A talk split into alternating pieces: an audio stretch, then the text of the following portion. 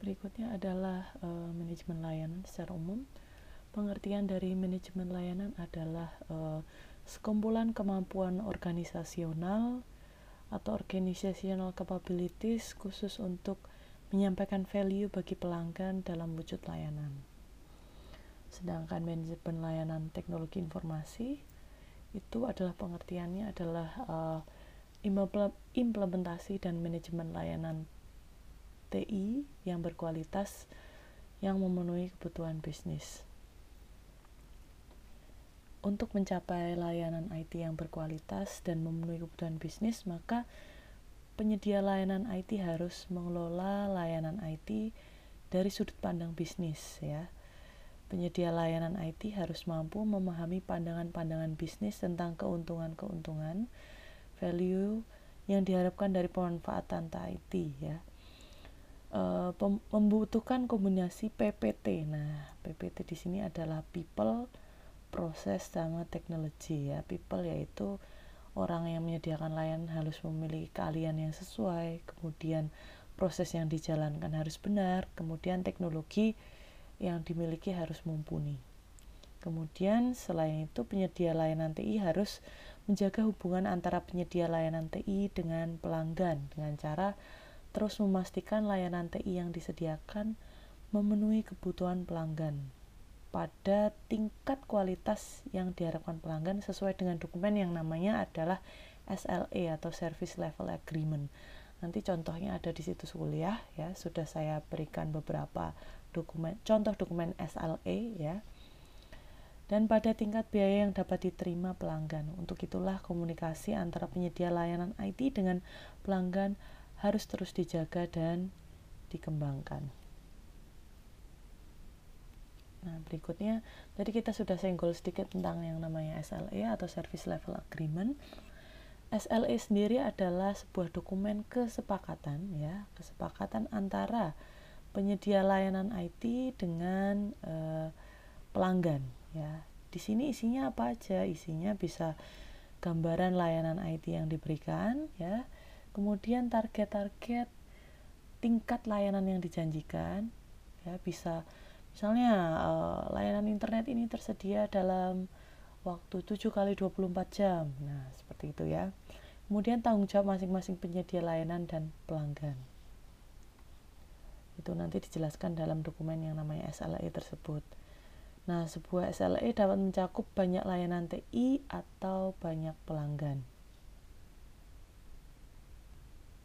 Nah, ini adalah uh, contoh SLE ya dari PT Teknologika Integrator Indonesia. Dia menyediakan layanan web hosting ya. Nah SLE-nya isinya adalah seperti yang tadi sudah diberitahukan dalam slide sebelumnya bahwa isinya adalah tentang layanan apa saja sih yang diberikan oleh uh, Jakarta Web Hosting ini ya. Jadi uh, berupa ini ya web hosting Linux hosting, Windows hosting, WordPress hosting dan lain-lain. Ya. Nah, ini ya, layanan yang akan disediakan oleh perusahaan adalah layanan yang diminta atau diharapkan pelanggan untuk disediakan perusahaan di mana pelanggan setuju untuk membayar berdasarkan apa yang telah dipilih. Berikutnya uh, tentang uh, tadi seperti yang ada di slide adalah uh, ini ya target tingkat-tingkat layanan yang dijanjikan. Nah, di sini Jakarta Web Hosting menyediakan uh, server perusahaan dimonitor penuh selama 24 jam setiap hari, 7 hari dalam seminggu, 365 hari dalam setahun. Nah, staff technical supportnya sendiri tersedia melalui live chat, email, telepon, dan tiket seperti yang tertera pada situs. Nah, ini adalah target-target yang dijanjikan oleh uh, Jakarta Web Hosting terhadap layanan yang diminta oleh pelanggan ya. Kemudian ini ada ketentuan ketentuan lainnya seperti penagihan dan pertanyaan, peningkatan, eskalasi dan lain-lain. Nah, e, kemudian ketersediaan layanan ya, availability, monitoring. Nah, ini perusahaan menjamin 99,9% uptime rata-rata per bulan untuk semua web server yang ada. Ya, monitoring layanan. Kemudian mail server ya, availability-nya berapa lama dan lain-lain bisa dibaca sendiri. Penaltinya juga jika tidak memenuhi syarat itu juga ada di dokumen SLE ya. Teman-teman bisa baca sendiri ya. Yang jelas intinya adalah uh, eh, SLE ini memberikan menampaikan apa saja yang dijanjikan oleh perusahaan terhadap layanan yang sudah dibayar terhadap uh, layanan yang tidak selalu dibayar ya. Layanan yang dinikmati oleh pengguna atau customer dari uh, suatu perusahaan penyedia layanan IT tersebut ya. Seperti itu. Oke sekarang kita kembali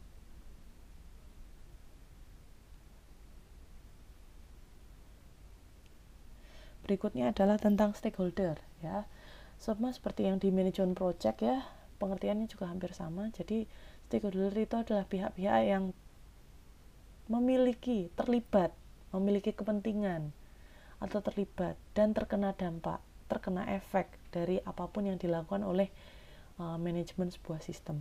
Nah, stakeholder sendiri ada beberapa ya di layanan IT ini, ada internal sama ada eksternal ya, ada internal dan juga eksternal. Untuk internal sendiri bisa berupa function, fungsi, grup sama tim, sedangkan eksternal bisa berupa customer, user sama supplier. Untuk stakeholder stakeholder eksternal ya itu bisa user ya. User itu adalah seseorang yang secara langsung dan rutin memakai layanan IT setiap hari. Sedangkan customer sendiri adalah seorang yang membeli barang atau jasa ya. Dalam konteks layanan IT customer itu adalah orang atau sekelompok orang yang menyetujui SLA nah eh, customer itu belum tentu user ya teman-teman ya. Jadi contohnya misalnya uh, Atma Jaya menggunakan layanan uh, membeli layanan internet ya memakai layanan internet dari internet service provider. Berarti misalnya Atma Jaya itu memberi layanan internet dari Telkom ya uh, sebagai ISP ya dan jadi customernya adalah Atma Jaya, tapi apakah semua pihak dari Atma Jaya, apakah semua stafnya, apakah semua mahasiswa, ataukah semua yang bekerja di Atma Jaya itu dapat layanan internet tersebut? Apakah CS perlu? Kan eh, kadang perlu, kadang tidak. Tapi itu bukan pengguna, bukan user yang utama. Nah, user yang utama siapa ya? Mahasiswa, staff gitu ya. Jadi uh, user itu belum tentu customer ya teman-teman ya. Tapi yang beli yang menyetujui SLE itu adalah customer. Seperti itu. Jadi bisa dibilang user itu bagian dari customer gitu ya. Nah pelanggan layanan IT ini bisa berupa internal customer yaitu orang-orang di departemen lain di organisasi yang sama dengan penyedia layanan IT ya. Biasanya tidak membayar jadi di sini misalnya kalian sebagai mahasiswa Atma Jaya mendapat layanan Siatma, layanan situs kuliah ya. Pembayarannya sudah termasuk uh, pada saat kalian membayar uh, membayar pada sumbangan pertama kali atau membayar sampai SPP tetap. Tapi kan kalian tidak dicas per bulan ya, seperti itu. Sedangkan yang kedua ada yang namanya external customer yaitu eh, orang-orang uh, di luar organisasi penyedia layanan TI yang berperan sebagai customer yaitu misalnya kalau contohnya ya seperti kalau kalian lang, layan uh, langganan internet dari IndiHome ya kalian itu bertindak sebagai external customer dari Telkom ya. Oke. Nah customer dibedakan dari user karena tidak semua customer menggunakan secara langsung layanan IT kita. Nah ini sudah saya jelaskan tadi. Ya user tidak memiliki otoritas penuh terhadap pelayanan IT seperti customer ya jadi contohnya perusahaan membeli layanan IT sedangkan user adalah staf-staf perusahaan yang bertugas sebagai operator sistem Penyediaan layanan IT wajib menginformasikan SLE yang telah disetujui penyedia layanan IT dengan operator eh dengan perusahaan sebagai customer kepada staf-staf operator layanan TI. Berikutnya eh, customer ya yang lain adalah uh, supplier stakeholder sorry sorry stakeholder yang lain adalah supplier yaitu pihak ketiga di luar organisasi penyedia layanan yang membantu menyediakan barang atau jasa yang dibutuhkan untuk mewujudkan layanan-layanan. Nah, di sini bisa vendor software dan hardware ya. Contohnya kalau ISP ya Telkom tadi, Telkom bertindak sebagai vendor internet ya dari luar Atmajaya atau mungkin Microsoft. Microsoft kan menyediakan layanan Office 365 untuk semua uh, untuk user yang ada di Atmajaya termasuk pegawai, staff, dosen, mahasiswa. Nah, vendor software di sini adalah berarti yang dari eksternal itu adalah Microsoft gitu ya. Bisa juga hardware misalnya uh, supplier laptop, supplier AC, supplier komputer. Nah, itu adalah uh, vendor hardware ya. Kemudian berikutnya adalah proses. Nah, proses di sini adalah serangkaian kegiatan terstruktur yang dirancang untuk mencapai tujuan tertentu ya. Suatu proses mengambil lebih dari satu input yang didefinisikan dan mengubahnya menjadi output yang ditentukan. Berikutnya adalah fungsi. Nah, fungsi adalah tim atau sekelompok orang dan sumber daya atau alat lain yang digunakan untuk melakukan suatu proses atau kegiatan proses. Ya, fungsi di sini bisa berupa grup, ya, bisa berupa tim, bisa berupa departemen, bisa berupa divisi. Grup sendiri adalah sekelompok orang yang melakukan aktivitas serupa. Contohnya sekelompok orang yang menangani insiden manajemen, ya, Grup umumnya tidak tampak dalam struktur formal organisasi, sedangkan tim itu adalah sekelompok orang yang bekerja sama untuk mencapai tujuan tugas tertentu dan lebih terstruktur secara formal dalam organisasi. Ini tim itu bisa beda-beda ya, apa yang dilakukannya bisa berbeda, nggak seperti grup. Grup itu kan misalnya grup developer ya isinya adalah developer A, B, C dan lain-lainnya. Grup tester isinya uh, tester A, B, C dan lain-lain sedangkan tim itu bisa misalnya tim pengembang aplikasi mobile nah itu kan bisa terdiri dari project manager kemudian developer kemudian designer kemudian tester dan lain-lain kemudian fungsi bisa berupa departemen atau struktur organisasi formal dalam sebuah organisasi atau bisa juga berupa divisi yaitu kumpulan dari departemen yang dikelompokkan bersama dalam sebuah organisasi. Berikutnya adalah nih ya eh, dalam penciptaan value IT ya teman-teman itu ada yang namanya resource. Resource ini ya sumber daya ya bisa berupa uang, hardware, software, informasi, manusia. Yang sumber daya sumber daya ini tuh merupakan kayak bahan bakar atau bahan mentah, bahan utama untuk menciptakan value tapi ini tidak akan berarti apa-apa jika tidak dialokasikan dan dikoordinasikan dengan capability atau kemampuan yang dimiliki oleh uh, suatu penyedia layanan IT ya jadi resources ini ya sumber daya ini akan dialokasikan dan dikoordinasikan oleh fungsi-fungsi tadi bisa berupa tim, grup, departemen, divisi dengan serangkaian proses tertentu ya sehingga bisa menghasilkan suatu layanan IT ya. Berikutnya adalah IT service provider. Ada tiga pengelompokan IT service provider. Yang pertama, jenis pertama adalah internal service provider, yaitu uh, ini teman-teman bisa baca sendiri pengertiannya.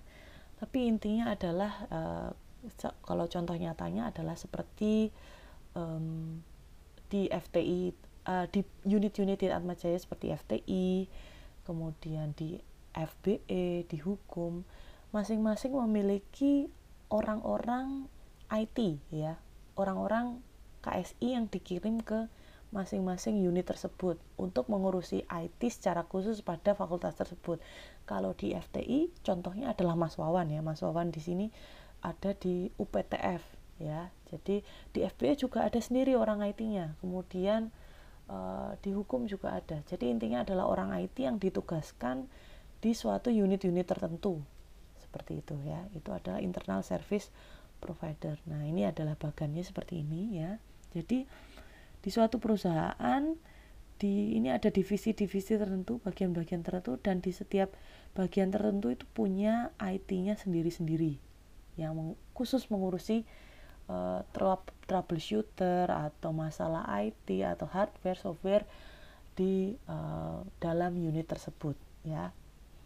Yang jenis kedua adalah shared services unit. Nah, di sini pengertiannya teman-teman bisa baca sendiri. Tapi contoh nyatanya adalah uh, KSI yang menyediakan uh, layanan IT kepada unit-unit selain KSI. Misalnya KSI menyediakan layanan IT kepada FTI, KSI menyediakan layanan IT kepada FTB, kepada kantor keuangan, kepada rektorat, dan lain-lain. Itu adalah shared unit, shared services unit. Nah ini adalah gambarnya teman-teman ya. Jadi uh, ini ya, ini ada divisi-divisi tertentu, unit-unit tertentu dan di sini ada uh, penyedia layanan IT yang menyediakan katalog-katalog untuk masing-masing unit ya. Jadi layanan IT-nya bisa berupa apa? Misalnya SIKEU ya, sistem keuangan. Lah, berarti KSI menyediakan layanan sistem keuangan yang dapat dinikmati oleh unit uh, keuangan atau unit-unit lain yang berhubungan gitu ya seperti itu. Kemudian yang jenis ketiga adalah uh, external service provider. Nah, ini pengertiannya juga teman-teman bisa baca sendiri di sini ya.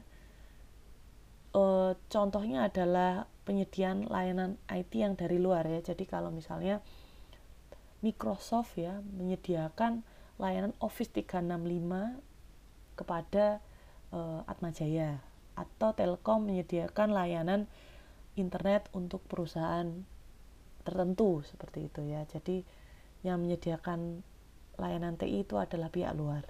Seperti itu. Nah, ini ya, teman-teman. Contohnya adalah ini internal perusahaan. Nah, yang menyediakan eh, apa namanya? layanan TI-nya adalah dari pihak luar perusahaan. Oke, selamat malam. Bertemu lagi dengan saya, Clara Heti Primasari. Kali ini dalam mata kuliah Manajemen Layanan Teknologi pertemuan kedua. Pada pertemuan kedua kali ini, saya akan menjelaskan tentang konsep-konsep dasar manajemen layanan IT. Baik, kita langsung mulai saja.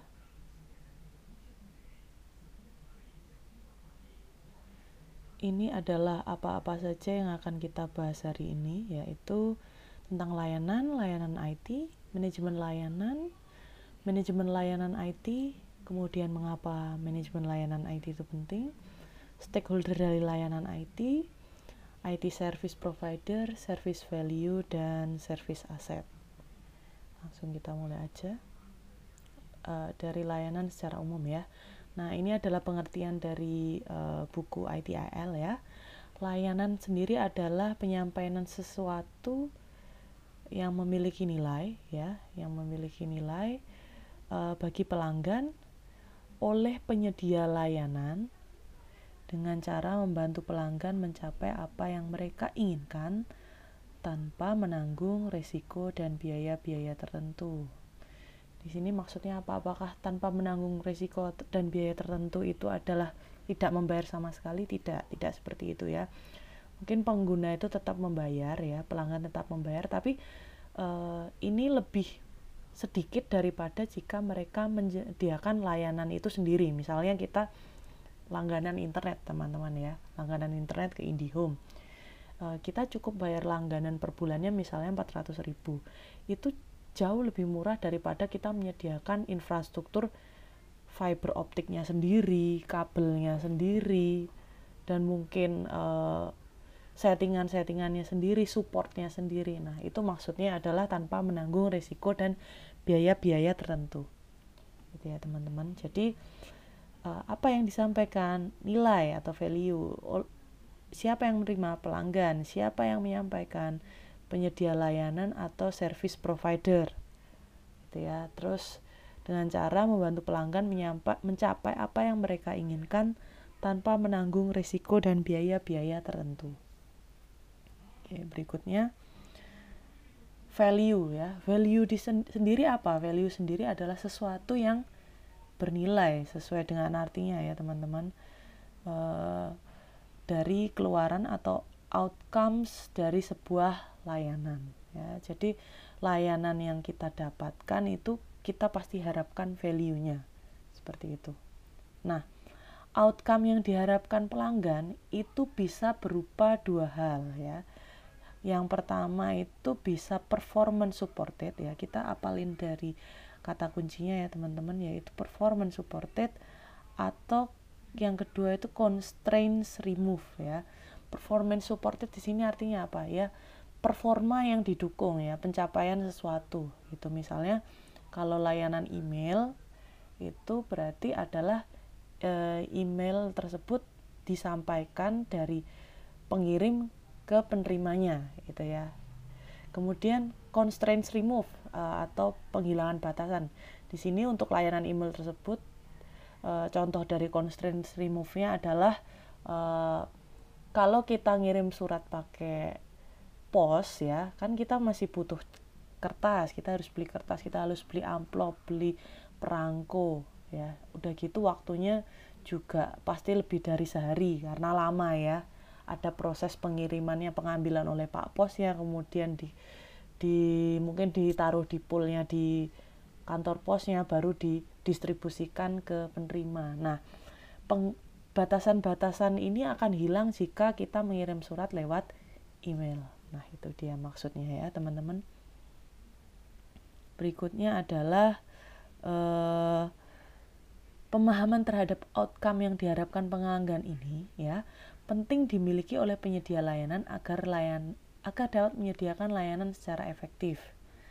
Sebuah layanan memfasilitasi pencapaian outcome yang diharapkan pelanggan dengan sekaligus menanggung beberapa biaya dan risiko yang tidak diinginkan oleh pelanggan seperti yang saya jelaskan pada bagian awal tadi, gitu ya. Oke. Nah, kita sebagai pelanggan itu menginginkan hasil dan uh, tidak ingin dipusingkan dengan proses gitu ya. Berikutnya adalah layanan teknologi informasi. Uh, layanan TI sendiri adalah layanan yang disediakan oleh siapa? Disediakan oleh penyedia layanan IT ya. Layanan IT ini dibentuk dari kombinasi kumpulan teknologi informasi orang dan proses layanan-layanan IT sendiri ini ada beberapa pengelompokannya ya teman-teman. Ada e, berdasarkan yang pertama hubungan penyedia layanan, yang kedua berdasarkan interaksi, kemudian yang ketiga berdasarkan manfaat. Berdasarkan hubungan ada apa aja? Ada internal, ada eksternal ya. Layanan internal dan layanan eksternal. Sedangkan berdasarkan interaksi ada customer facing IT service ada supporting. Sedangkan berdasarkan manfaat ada core, ada enabling dan ada enhancing ya. Berikutnya eh, berdasarkan hubungan penyedia layanan ya ada dua yaitu internal sama eksternal. Yang internal sendiri adalah layanan IT yang disampaikan kepada unit-unit dalam organisasi yang sama dengan penyedia layanan. Contohnya bagaimana? Contohnya adalah kalau di Atmajaya ini kita tahu ada kantor sistem informasi. Nah, kantor sistem informasi ini e, bertindak sebagai e, menyampaikan layanan internal kepada unit-unit lain selain KSI, misalnya kepada FTI, kepada kantor keuangan. Jadi apa namanya? KSI menyediakan layanan internet, menyediakan uh, layanan email, layanan siatma kepada mahasiswa ya itu adalah layanan internal. Sedangkan layanan eksternal adalah layanan IT yang disampaikan kepada pelanggan di luar organisasi penyedia layanan dan biasanya merupakan layanan komersil. Nah, ini di sini misalnya kayak eh, kalian itu langganan internet dari IndiHome. Jadi IndiHome atau Telkom itu menyediakan layanan kepada eh, pihak-pihak uh, di luar Telkom ya. Jadi kepada customer seperti itu. Itu adalah contoh layanan eksternal.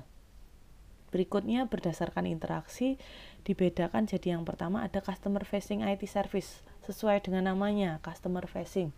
Nah, itu adalah layanan IT yang digunakan langsung oleh pengguna untuk mendukung bisnis atau aktivitas mereka. Customer facing sendiri dibedakan jadi dua, ada eksternal, ada internal ya. Kalau eksternal seperti apa ya? Contohnya uh, Tokopedia menyediakan layanan jual beli kepada customer di luar Tokopedia. Nah, berarti kan kita sebagai uh, customer itu melaksanakan layanan dari layanan jual beli dari Tokopedia ya. Customer facingnya itu ya uh, web yang kita lihat itu ya. Customer facing IT service-nya adalah web Tokopedia yang kita lihat atau aplikasi HP Tokopedia yang kita lihat. Sedangkan internal customer facing IT service itu adalah contohnya adalah layanan IT uh, yang diberikan oleh uh, suatu unit ke unit lain dalam suatu organisasi ya. Contohnya adalah KSI seperti yang tadi ya. Jadi misalnya layanan Siatma ya itu kan berarti pengguna merasakan customer IT face customer facing ya customer facing IT service layanan yang langsung dilihat pengguna yaitu web Siatma yang dapat diakses untuk melihat nilai. Nah, itu kan disediakan oleh internal Atmajaya sendiri yaitu KSI. Seperti itu ya, teman-teman. Nah, berikutnya adalah supporting IT service ya. Jadi adalah layanan-layanan IT yang dibutuhkan penyedia layanan IT untuk menyediakan customer facing IT services yang saya jelaskan tadi. Nah, biasanya supporting IT services ini tidak terlihat keberadaannya ya. Contohnya kalau kita tadi merasakan layanan Siatma, mahasiswa bisa mengakses nilai presensi lewat Siatma. Nah, supportingnya apa? Supporting layanan yang mendukung sehingga Siatma itu ada itu adalah contohnya adalah layanan web hosting ya, layanan uh, internet sendiri, kemudian uh, infrastruktur ya seperti komputer yang digunakan untuk uh, membangun siatma tersebut gitu. Kan adalah layanan-layanan yang tidak kita rasakan ya mahasiswa nggak perlu mikir itunya. Hanya tinggal memakai customer facing IT service berupa siatma itu tadi gitu ya. Berikutnya berdasarkan manfaat layanan uh, ada dibedakan menjadi core service ya core services ini sendiri adalah layanan IT yang menyediakan kebutuhan utama pelanggan Nah, biasanya terkait dengan fungsi-fungsi penting sebuah bisnis contohnya ya layanan email, layanan siatma, layanan situs kuliah gitu ya. Itu adalah layanan utama. Nah, untuk yang kedua, berdasarkan manfaat layanan ada yang namanya enabling service. Nah, ini mirip-mirip dengan supporting service ya tadi uh, bedanya uh, nggak nggak nggak terlalu beda ya ini hanya berdasarkan penggolongannya saja yang beda ya. Jadi yang enabling service ini adalah layanan IT yang digunakan agar core service dapat disediakan ya. Uh, enabling service ini sama dengan supporting service. Nah, layanan ini seperti supporting service tadi dia tidak tampak ya dan e, pengguna tidak bisa melihat secara langsung. Jadi misalnya jika core service-nya adalah layanan email, berarti enabling service-nya adalah jaringan internet dan penyedia infrastruktur IT. Oke. Kemudian yang ketiga adalah uh, untuk manfaat layanan adalah enhancing service, yaitu layanan IT yang memberikan nilai tambah bagi core service ya. Enhancing service tidak menentukan berhasil atau gagalnya sebuah core service tapi memberikan daya tarik tambahan bagi pelanggan untuk menggunakan layanan ya. Jadi contohnya misalnya Tokopedia tadi ya, layanan utamanya adalah e, di situ ada toko-tokonya, bisa jual beli, bisa kita bisa membeli ya lewat web, lewat laptop. Nah, enhancing service-nya apa di sini ya? Itu misalnya Tokopedia tuh punya e, aplikasi HP sehingga kita bisa jual beli lewat HP. Nah, gitu ya. Dan juga bisa bayar misalnya lewat OVO ya biasanya kita yang kalau misalnya yang contoh yang pertama tadi uh, kita bisa akses lewat laptop kan sudah cukup ya lewat PC aja cukup tapi kita ternyata si Tokopedia tuh mengenhance layanannya supaya kita bisa akses lewat HP selain itu untuk masalah pembayaran yang tadi yang kedua. Sebenarnya kita bisa bayar lewat transfer ya transfer bank atau mungkin transfer di teller ya. Tapi uh, berdasarkan uh, apa namanya enhancing service ini ya. Maksudnya Tokopedia ingin mengenhance meningkatkan layanannya dengan pembayaran lewat OVO lewat GoPay dan lain-lain gitu ya. Seperti itu. Oh sorry sorry. Tokopedia hanya lewat OVO ya kerjasamanya dengan OVO seperti itu. Itu untuk yang enhancing service ya